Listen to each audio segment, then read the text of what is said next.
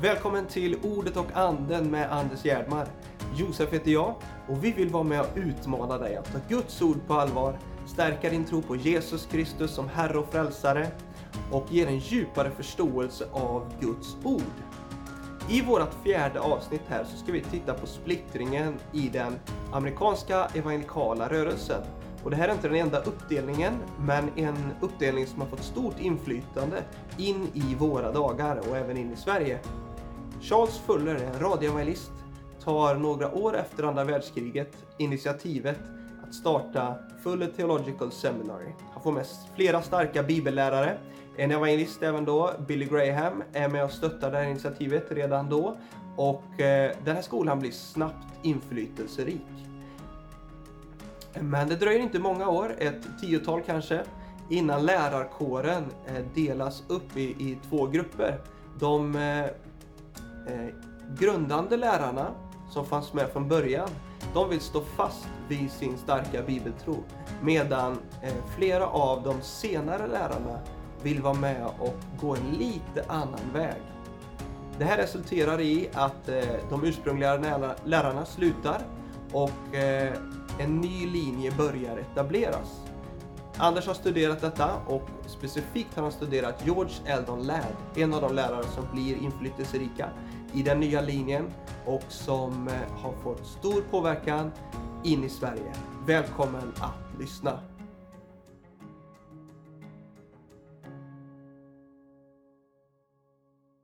Välkommen Anders till avsnitt fyra här då med Ordet och anden med Anders Hjelmar. Tack så hemskt mycket. Roligt att få spela in igen här. Visst. Så, vi är igång och har några grundläggande avsnitt. Vi har ju pratat om Bibeln, bibelsyn, hur vi ska läsa Bibeln och förstå Bibeln och lite bakgrundskunskap i att gå igenom lite hur bibelsyn och bibelkritik och eh, ja, sekulär bibelkritik och sånt, hur det har vuxit fram. Och vi ska fortsätta den resan här nu. Och vi kommer ju börja hetta till lite, komma in på Sverige och sånt där framöver. Men idag ska vi hålla oss till till Amerika då framförallt och eh, kika lite på den evangelikala rörelsen där. Och eh, man kan väl säga att bakgrunden här då till det som är alltså de evangeliska eller evangelikala kristna idag i USA och över världen så är det ett begrepp som används, även i Sverige används det ju en del. Men man kan ju se liksom på, på the great awakenings, de här stora väckelseperioderna under 1700 och 1800-talet. Det är väl, det är väl ändå bakgrunden till, till de här uh, orden då, eller den evangelikala rörelsen. Det finns ju namn som Jonathan Edwards och Charles Finney och Dwight L. Moody, sådana riktigt stora väckelsepredikanter. Eh, vad skulle man kunna säga, vad är, vad är motsvarigheten i Sverige till, till detta? Alltså, vad, vad är det närmast vi kommer? Är det de frikyrkliga rörelserna eller hur, hur kan man uttrycka det? väckelsekristna? Ja, jag, jag tror nog man ska börja tidigare eh, och titta på reformationen eh, och det, det som växer fram ur reformationen, för där finns ju också mycket. Det är faktiskt otroligt fascinerande att läsa eh Eh, om Uppsala möte till exempel. Eh, det är 1593 eh, och hur man försvarade ordet där. Vi har en jättefin artikel i en kanske vår senaste bokutgåva nu som heter Bibeltro eh, av Christian Brav där han går igenom precis bibeltron kan 1500-talet, 1600-talet, 1700-talet, ja, ända fram till vår tid. Men, men där finns just vad det gäller bibeltro eh, och väckelse, väckelse finns det många eh, som eh, faktiskt kyrkliga väckelser innan vi hade de frikyrkliga väckelserna så finns mm. olika väckelsevågor. Och där man kan tycka att ja, men här finns ju, det är ungefär om man har läst Charles Finney som är, tillhör mina kan vi säga, favoriter om nu Finney kan vara det för att Finney är ju som en, det är som en förtärande eld va, när man läser Finney. Men eh, man kan se samma eh, ska vi säga, eld för sanningen och eh, lydnaden för Gud och omvändelse och det kan man se faktiskt i kyrkliga väckelser också eh, som vi då har på 15, 16, 17, 1800-talet. Så det är ganska viktigt att veta. Det är inte alltid mm frikyrkligt folk vet om det här. Men, men den artikeln ger jättefin bild av bibeltro faktiskt.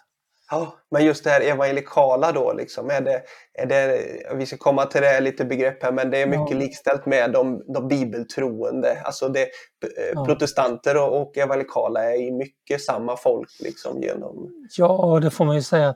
Det handlar ju om bibeltro, det handlar om eh, ska vi säga, själavinnande eller kanske mest omsorg om den, om den egna själen, att, att se till att man man, om, man lever i omvändelse eh, och så. Va? Så att de, de sakerna har man definitivt gemensamt med det som så småningom kallas för evangelikalt.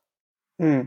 Eh, men det är ju rätt så sent, va? det evangelikala eh, uttrycket och, och betoningen kommer ju senare och är ju också smalare kan man egentligen säga. Va?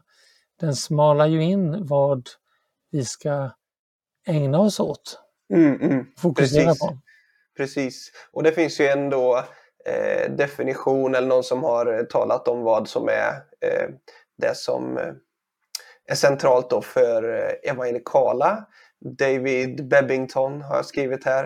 Eh, conversionism, alltså pånyttfödelse, det var det du nämnde här. Biblicism, alltså bibeltro. Eh, aktivism, och då tror jag att det stod om både mission och socialt, alltså att mm. vara eh, aktiv båda på de områdena. Då. Och så crucianticism, det blir nog kanske inte helt rätt. Men, Crucicentrism, alltså korset i centrum. Ja, precis. Jag skulle säga att de där är ju centrala i reformationen. Ja. Alla dessa fyra. Men sen är det ju så med, kan säga det Bebbington beskriver då, det är ju ändå en utveckling kan man säga som är ganska annorlunda.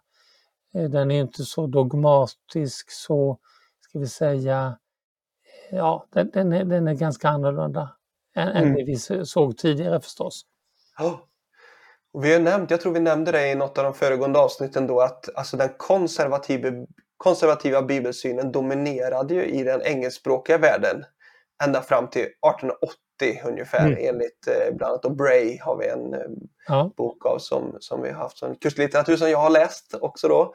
Ja. Eh, och eh, betyder att bibelkritiken hade alltså inte nått USA i alls lika stor utsträckning som i Tyskland. Alltså när vi har talat om den eh, bibelkritiska framväxten så är det mycket Tyskland och det tyskspråkiga eh, och så blir det någonstans en uppsplittring om jag har förstått det rätt mellan eh, modernister, kanske även då i USA, och andra som kallar sig fundamentala. The mm. Fundamentals, det är väl några, en bokserie va, i början av 1900-talet eller något sånt där? The, The Fundamentals det är en bokserie som eh, tar upp de ska vi säga, absolut viktigaste frågorna eh, i den kristna tron, bland annat eh, inkarnationen, jungfrufödelsen, eh, bibeltron, skapelsetron. Alltså, eh, du ser det lite fler saker än, än, än du nämnde i, i Bebbingtons definition. Mm. Så från början är ju fundamentals helt enkelt ett sätt att bemöta eh, modernismen som mm. då hade börjat komma Eh, och det var en, en skarp strid om detta på, jag tror det pratar om 20-talet ungefär, eh, 1920-talet, kring de här sakerna. Sen av detta blir ju då något att, att man sen pratar om fundamentalism. Eh, och det är ju ett väldigt missbrukat begrepp kan man säga. Fundamental betyder ju grundläggande. Och vad är det som är grundläggande för kristen tro? Jo, men det är faktiskt de sakerna som man tog upp i the fundamentals. Eh, men ordet är ju väldigt svårt att använda idag eftersom det har blivit så eh, nedklassat kan man säga. Mm. det är väl ingen som vill kalla sig fundamentalist. Nej. Men jag skulle kunna säga så att jag är gärna anhängare av the fundamentals som det var på, på 20-talet. Mm. Men sen blir det ju som du säger då en, en, en slags splittring eh, och det är möjligt att, jag, jag har svårt att värdera den, men man kan väl säga så att det är möjligt att, att eh, det fanns tendenser då i bland ska vi säga, de här fundamentalisterna att, att de betonade fel saker och eh, vad det gäller politik och olika sådana här grejer. Och då tyckte, eh, vi säger, om vi tar de här evangelikala då, vi kan ta Billy Graham som ett exempel som ju är ju eh, evangelist framförallt, allt. tyckte ju att det här blir också någonting som, som ligger i vägen för själva huvudbudskapet då, att eh, ska vi säga, predika evangelium och så vidare. Va? Men de har ju ändå plats för den, ska vi säga, eh, socialt engagemang och även politiskt engagemang. Nu kritiserar man ju eh, evangelikaler väldigt mycket för det politiska engagemanget. För att de står för ett, ett eh, i USA, för ett konservativt politiskt engagemang. Så det ordet är också svåranvänt nu. Mm.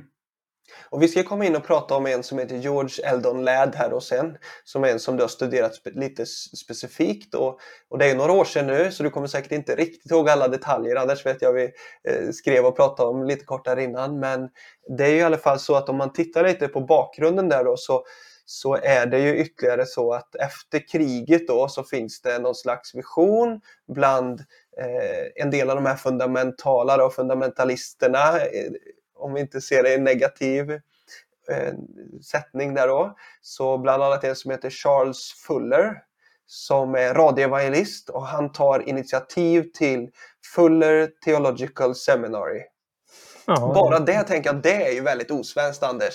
Tänk om du hade döpt det till Gärdmars teologiska högskola. ja, visst.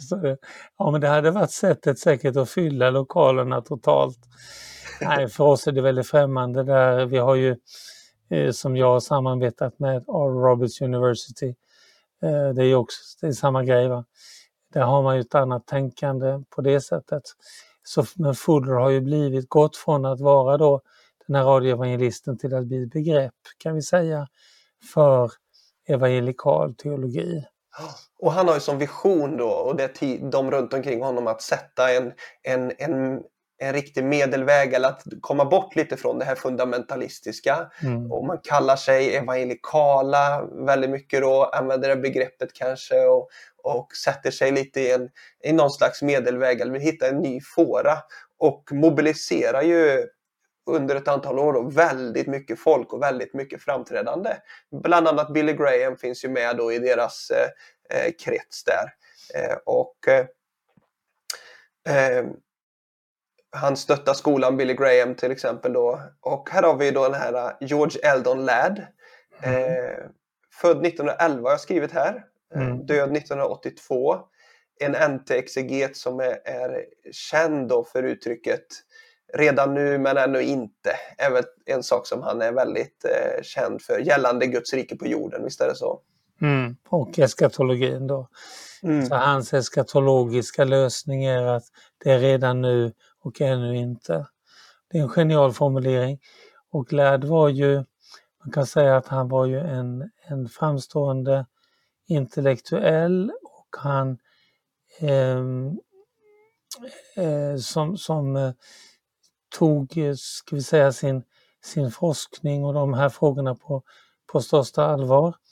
Eh, och på så sätt så har ju lärd, alltså det är en slags standard egentligen att man läser lärd i evangelikala sammanhang. Det har i stort sett alla gjort eh, som har läst lite exegetik, alltså bibelvetenskap. Eh, men problemet med lärd är ju det att det finns en slags ska vi säga, det finns ett slags både och. Va?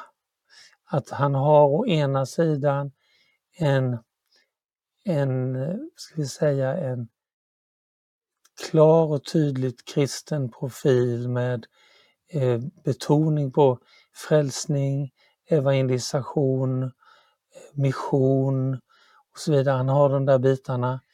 Eh, samtidigt då när det gäller bibelordet så blir det Eh, vill han inte riktigt ställa upp på att vi kan lita på evangelierna, skulle man kunna säga. Det är väldigt mycket evangelierna det handlar om. Och han har också ett, eh, skulle jag vilja säga jag skulle faktiskt vilja säga att det blir lite att han fjäskar lite grann också med den sekulära bibelvetenskapen. Eh, han kan då till exempel använda historiskt kritisk som ett, ett positivt begrepp. Eh, och det blir aldrig riktigt, riktigt klart eh, kanske vad, vad, han menar där.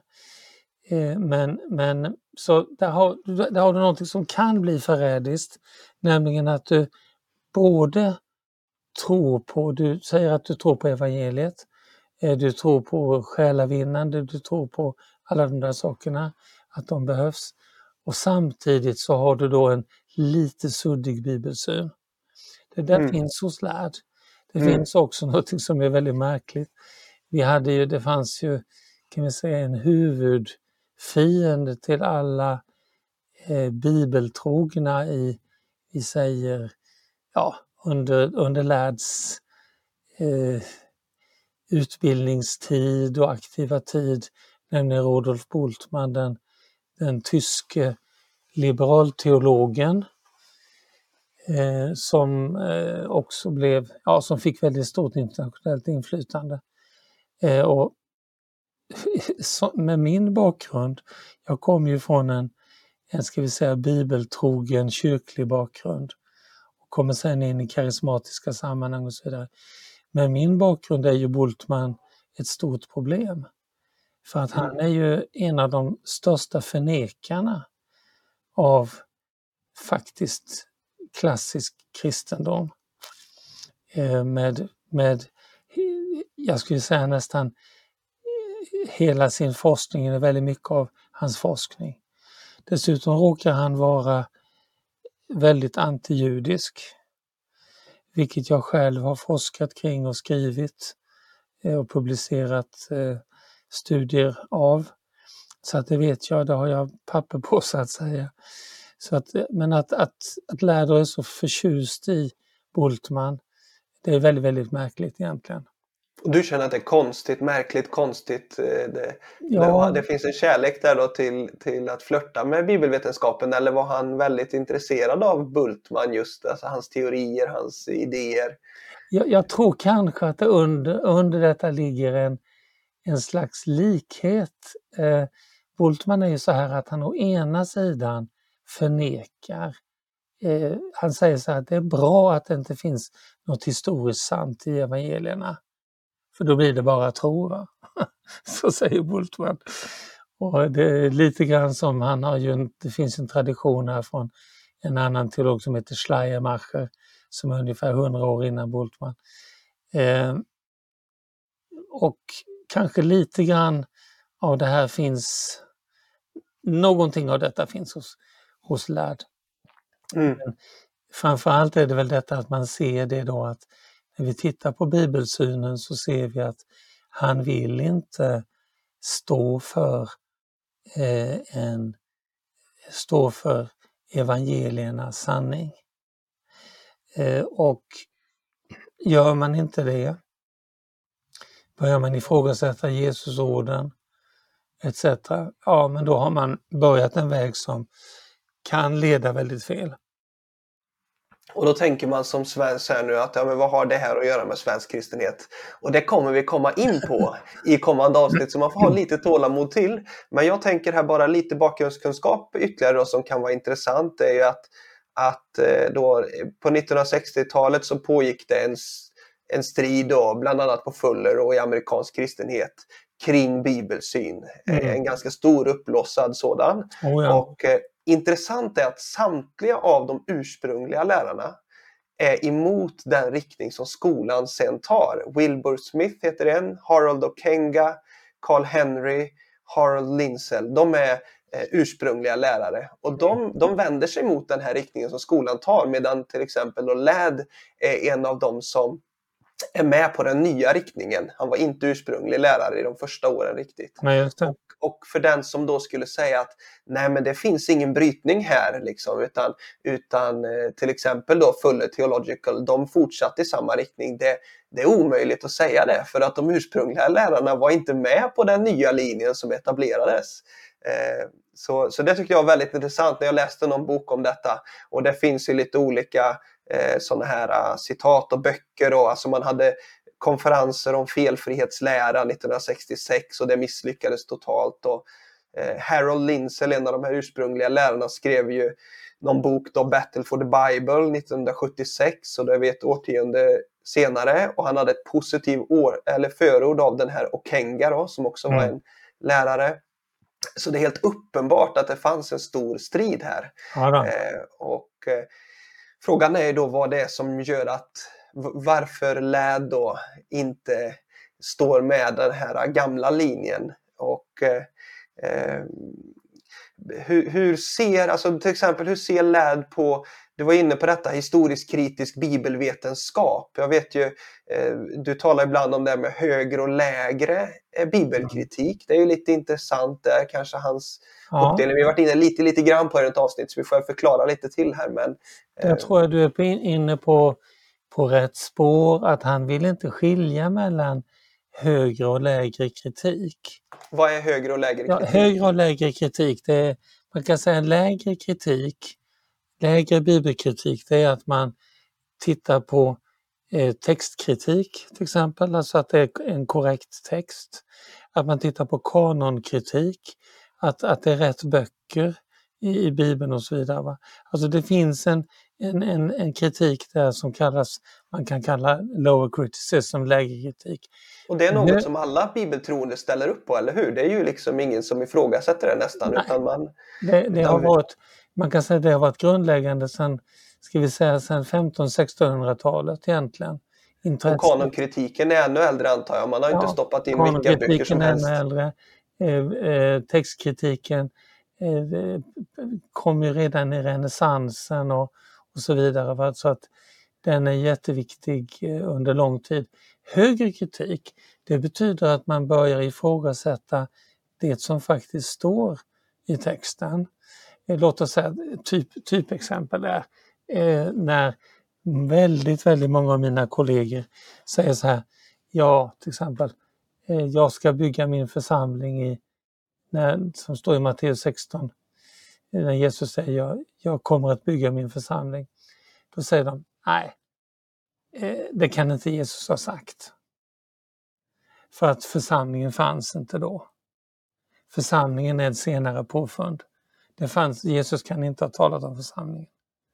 Ja, det är högre kritik, det vill säga man går in och man petar i, i den bibeltext som vi har och man plockar bort saker. Eh, det grövsta jag, exemplet tycker jag att jag har, det är ju Bultman själv som gör det här mycket, mycket frimodigt. Men när, när vi kom till Johannes evangeliets fjärde kapitel och tjugonde vers, där står det frälsningen kommer från judarna. Vad gör Bultman åt detta? Han stryker det helt enkelt.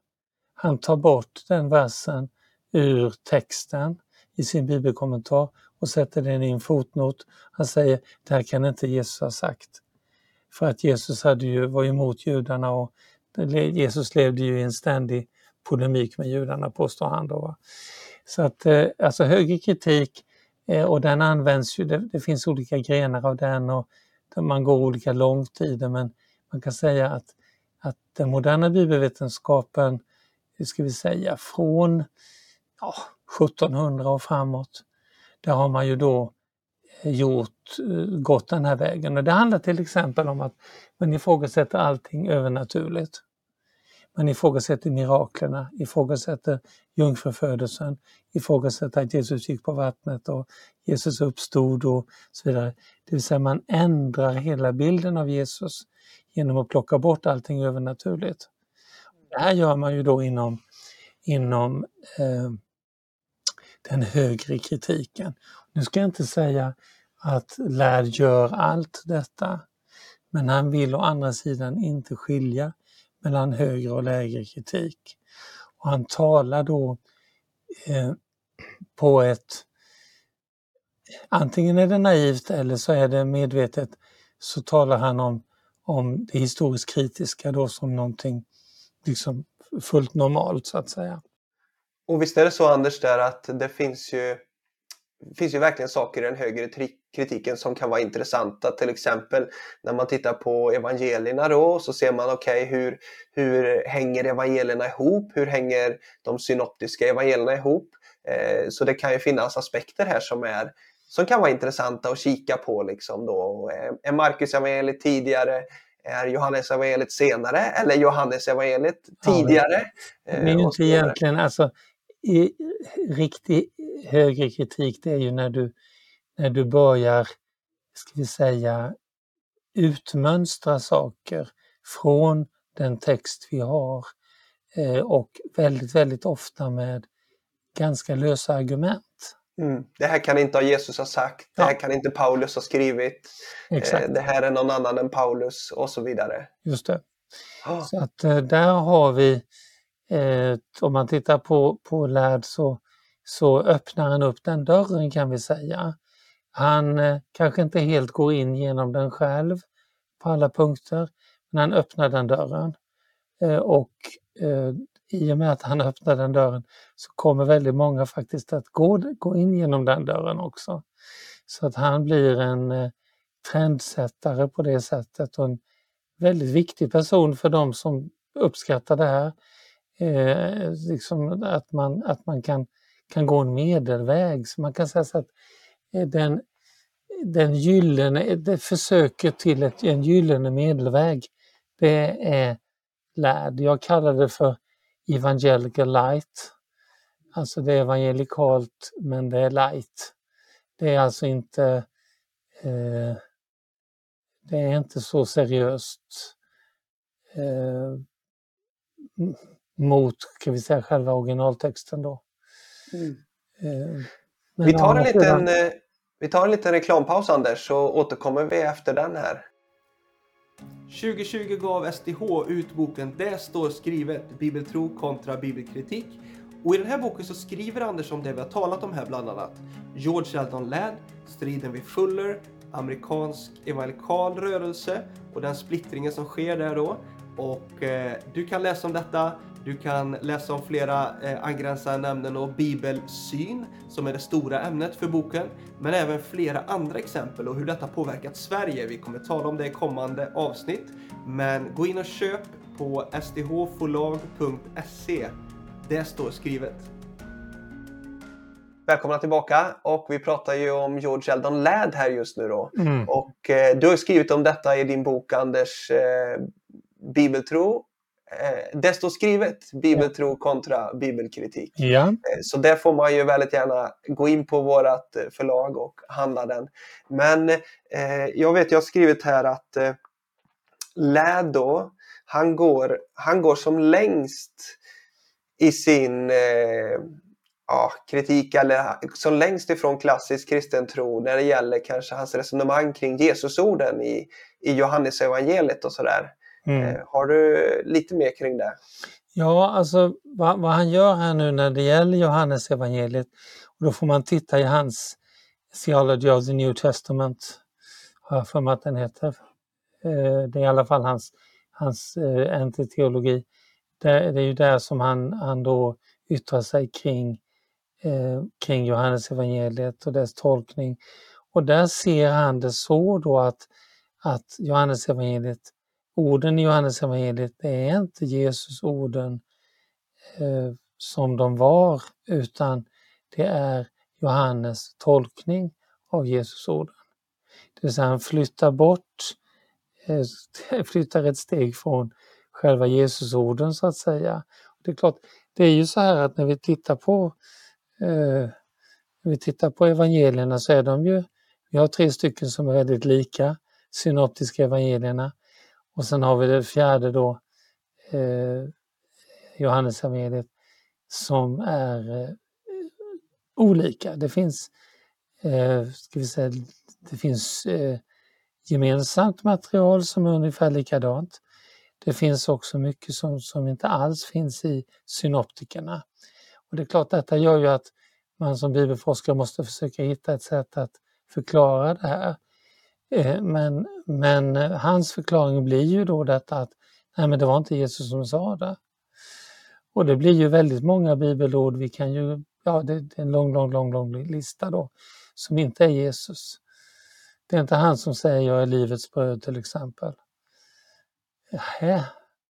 Eh, ja, men då vill jag ha ett bra argument för det, så att säga.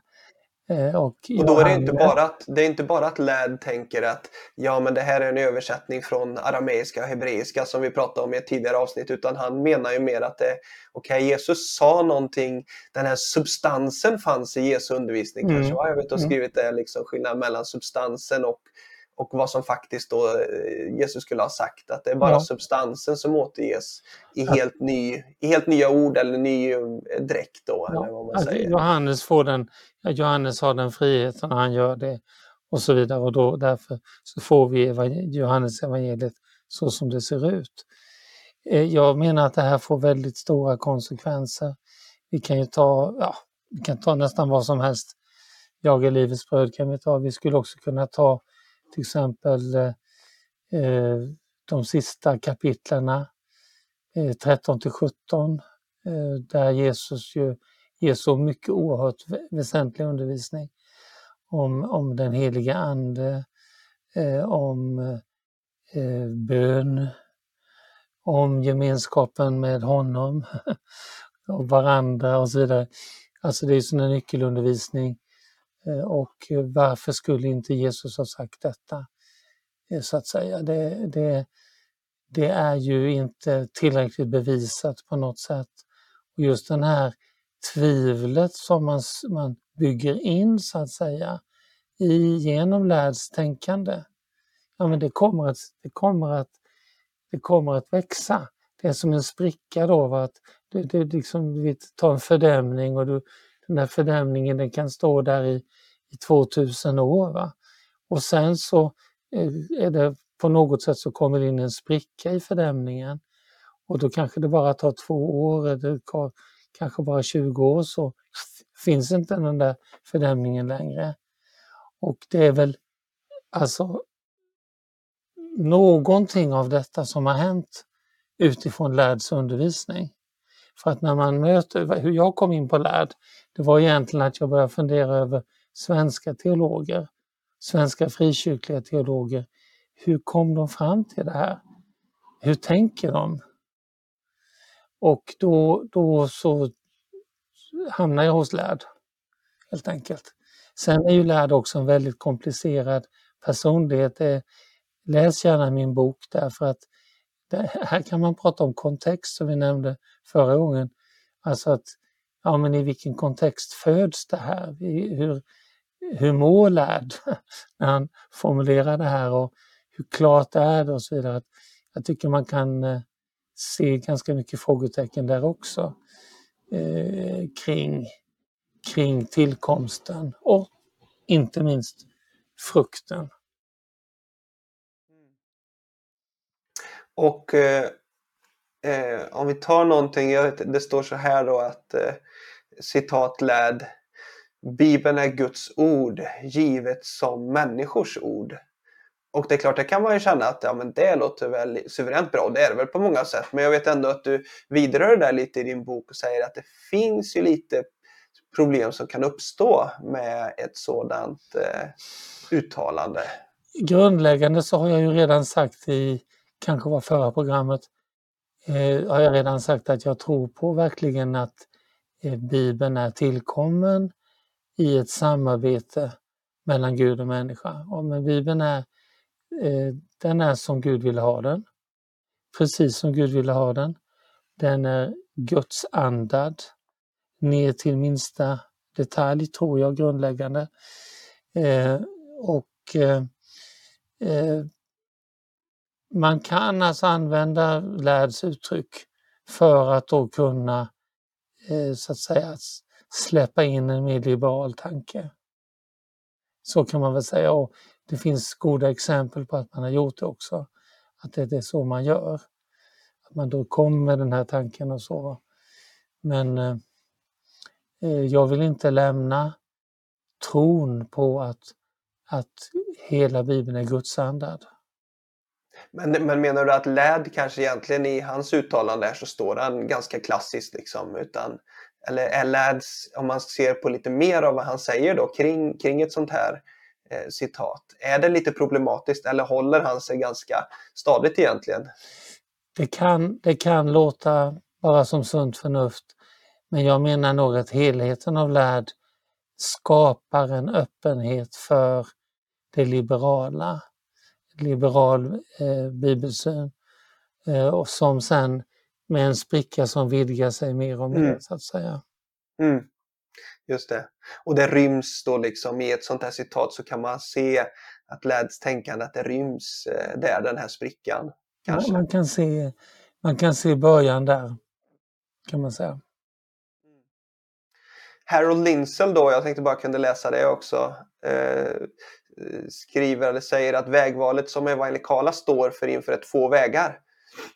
Det första synsättet anser att hela skriften är inspirerad och sann inklusive dess historiska, geografiska och vetenskapliga budskap.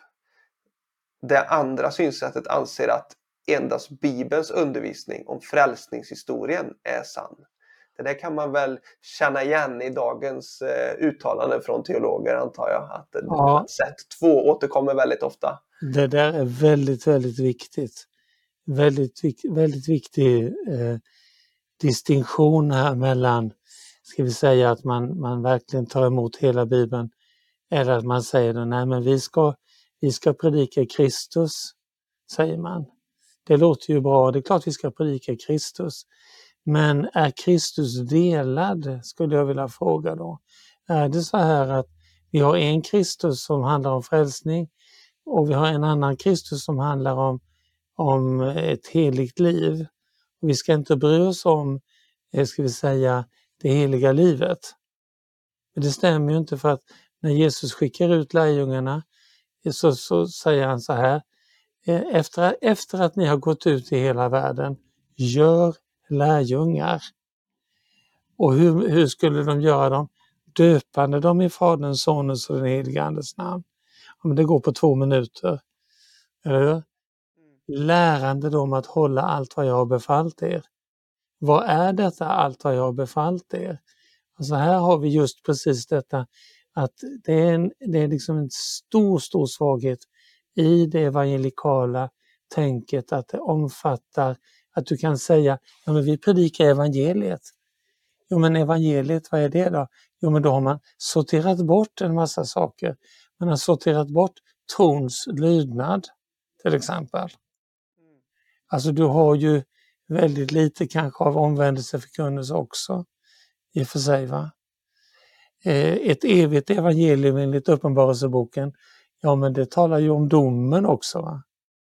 Den ingår så att säga. Så att man kan säga att som jag ser det så är mycket av det här evangelikala teologin, det är liksom en förkortad kristendom. Va? Man har förkortat, man har, man har liksom valt ut de här sakerna kan vi säga, eller som någon, när någon andlig ledare nu säger att nej men vi ska inte prata om hbtq. Va? Eh, det ska inte vi lägga oss i liksom, utan vi ska prata om Kristus. Vi ska prata evangeliet. Men det går inte att dela på det på det sättet, inte om du vill vara kristen. För att i det kristna budskapet har vi hela skriften faktiskt. 66 böcker. Vi har all den här undervisningen och lärande dem att hålla allt vad jag har befallt er. Det var ju det som Jesus gjorde. Han gick ju tre år eh, med de här lärjungarna och undervisade dem om allt mellan himmel och jord och verkligen såg till att etsa in, etsa in eh, sanningen i dem. Och ändå så avföll de. Men genom den heliga Ande så kom de tillbaka. Mm. Så här har vi, jag tror alltså att vi har eh, en, eh, det är inte bara en bibelsynsfråga det här, utan det här är egentligen kanske frikyrklighetens största problem att man inte tar in hela uppenbarelsen. Att man inte tar in hela undervisningen. Utan att om, om någon då yttrar sig om synd till exempel som det har varit aktuellt nu, ja men då så liksom, ja men då, då, då är man inte riktigt på rätt spår. Va? Mm. jag gissar Anders att många kan kanske känna lite så här att, ja, men, att vi naggar lite i kanterna eller att vi klipper lite på oväsentliga ställen. Det kan väl inte vara så känsligt i Bibeln utan, utan bara vi har kvar kärnan då. Och så kanske man tänker att ja, men, ah, det, det, kan väl inte ha varit så att, att Noa eller Adam att de blev 900 år gamla eller att eh, Jakob står väl att han blev 160 år gammal. Abraham blev 120 år gammal. Eh, och, och det är klart, där blir det ju en måste ju bli en fråga någonstans liksom att eh, ja, det, eller det är väldigt lätt att man börjar nagga någonstans, man börjar klippa ja. lite grann någonstans och sen bara det fortsätter, det blir mer och mer. Sen det är klart så behövs det ta seriöst alla sådana här texter och, och så, men... Eh... Nej men alltså jag tänker väl att eh, visst, det finns saker och ting att diskutera vad det gäller vad är ett år och så vidare. Och, alltså det finns verkligen saker man kan diskutera där som har att göra med språken bakom och så där vidare. Visst gör det det. Men det är på något sätt själva attityden. Eh, att eh, det var som, som någon sa så här, eh, eh ställde frågan, säg att du, du kör eh, långtradare nere i ett hamnområde.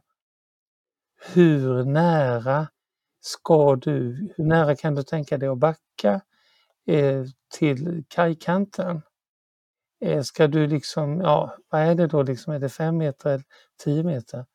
Nej, men rätt svar är ju så långt som möjligt. Jag kan säga så här, jag är hellre lite för långt bort från kajkanten. Alltså jag, jag, jag vill inte släppa in eh, den här otron, den här, Eh, de här onödiga tvivlen. Tvivel är ju också något som är väldigt missförstått. Eh, man säger att ja, men det är, vi tvivlar alla och det är fint att tvivla, låt oss tvivla tillsammans. Nej, det är inte alls nytestamentligt. Tvivel är, är ju att hålla sig med Guds sanning och en motsatt sanning. Det är tro och otro i, i samma paket och det är främmande för nytestamentlig kristendom. Så vi uppmuntrar till att tro på Guds ord, att läsa Bibeln och att eh, ansöka till SDH för att läsa lite spännande kurser till hösten. Eller hur Anders? Absolut! Jag tror vi har vidrört alla saker här nu som vi har eh, skrivit ner i förväg här. Så om du inte vill säga något mer Anders så eh, är vi nöjda. Men du kanske vill tillägga något i slutet? Nej, men jag vill säga så här att, att, att Kristus blir förkunnad, hela Jesus, allt som han står för. Eh, både den här undervisningen som leder till att någon döps, men också den undervisningen som leder till att man blir en lärjunge. Allt detta är nödvändigt och det är detta som måste upprättas. Så jag tycker det var ett bra samtal. Mm. Josef. Tack så mycket. Tack ni som lyssnar och tittar och tack Anders. Så Eh, får ni jättegärna skicka in eh, frågor och kommentarer till oss och så eh, på återseende. Vem ska predika och undervisa i Sveriges församlingar framöver? Kommer det finnas bibeltrogna ledare för svensk kristenhet? SDH vill vara med och utrusta framtidens apostlar, profeter, evangelister, herdar och lärare. Om du upplever dig kallad till tjänst så gå in och sök någon av våra utbildningar på teol.se. Men jag vill också vara med och uppmuntra dig till att eh, stå med oss i bön och vara med och ge till SDH. Vi vill vara med och bygga långsiktigt. Vi behöver dina förböner. Eh, var gärna med och bli en gåvogivare, en månadsgivare. Det ger stabilitet. Så eh, kika på länkarna här nedan i beskrivningen och stort tack för era böner och för era gåvor.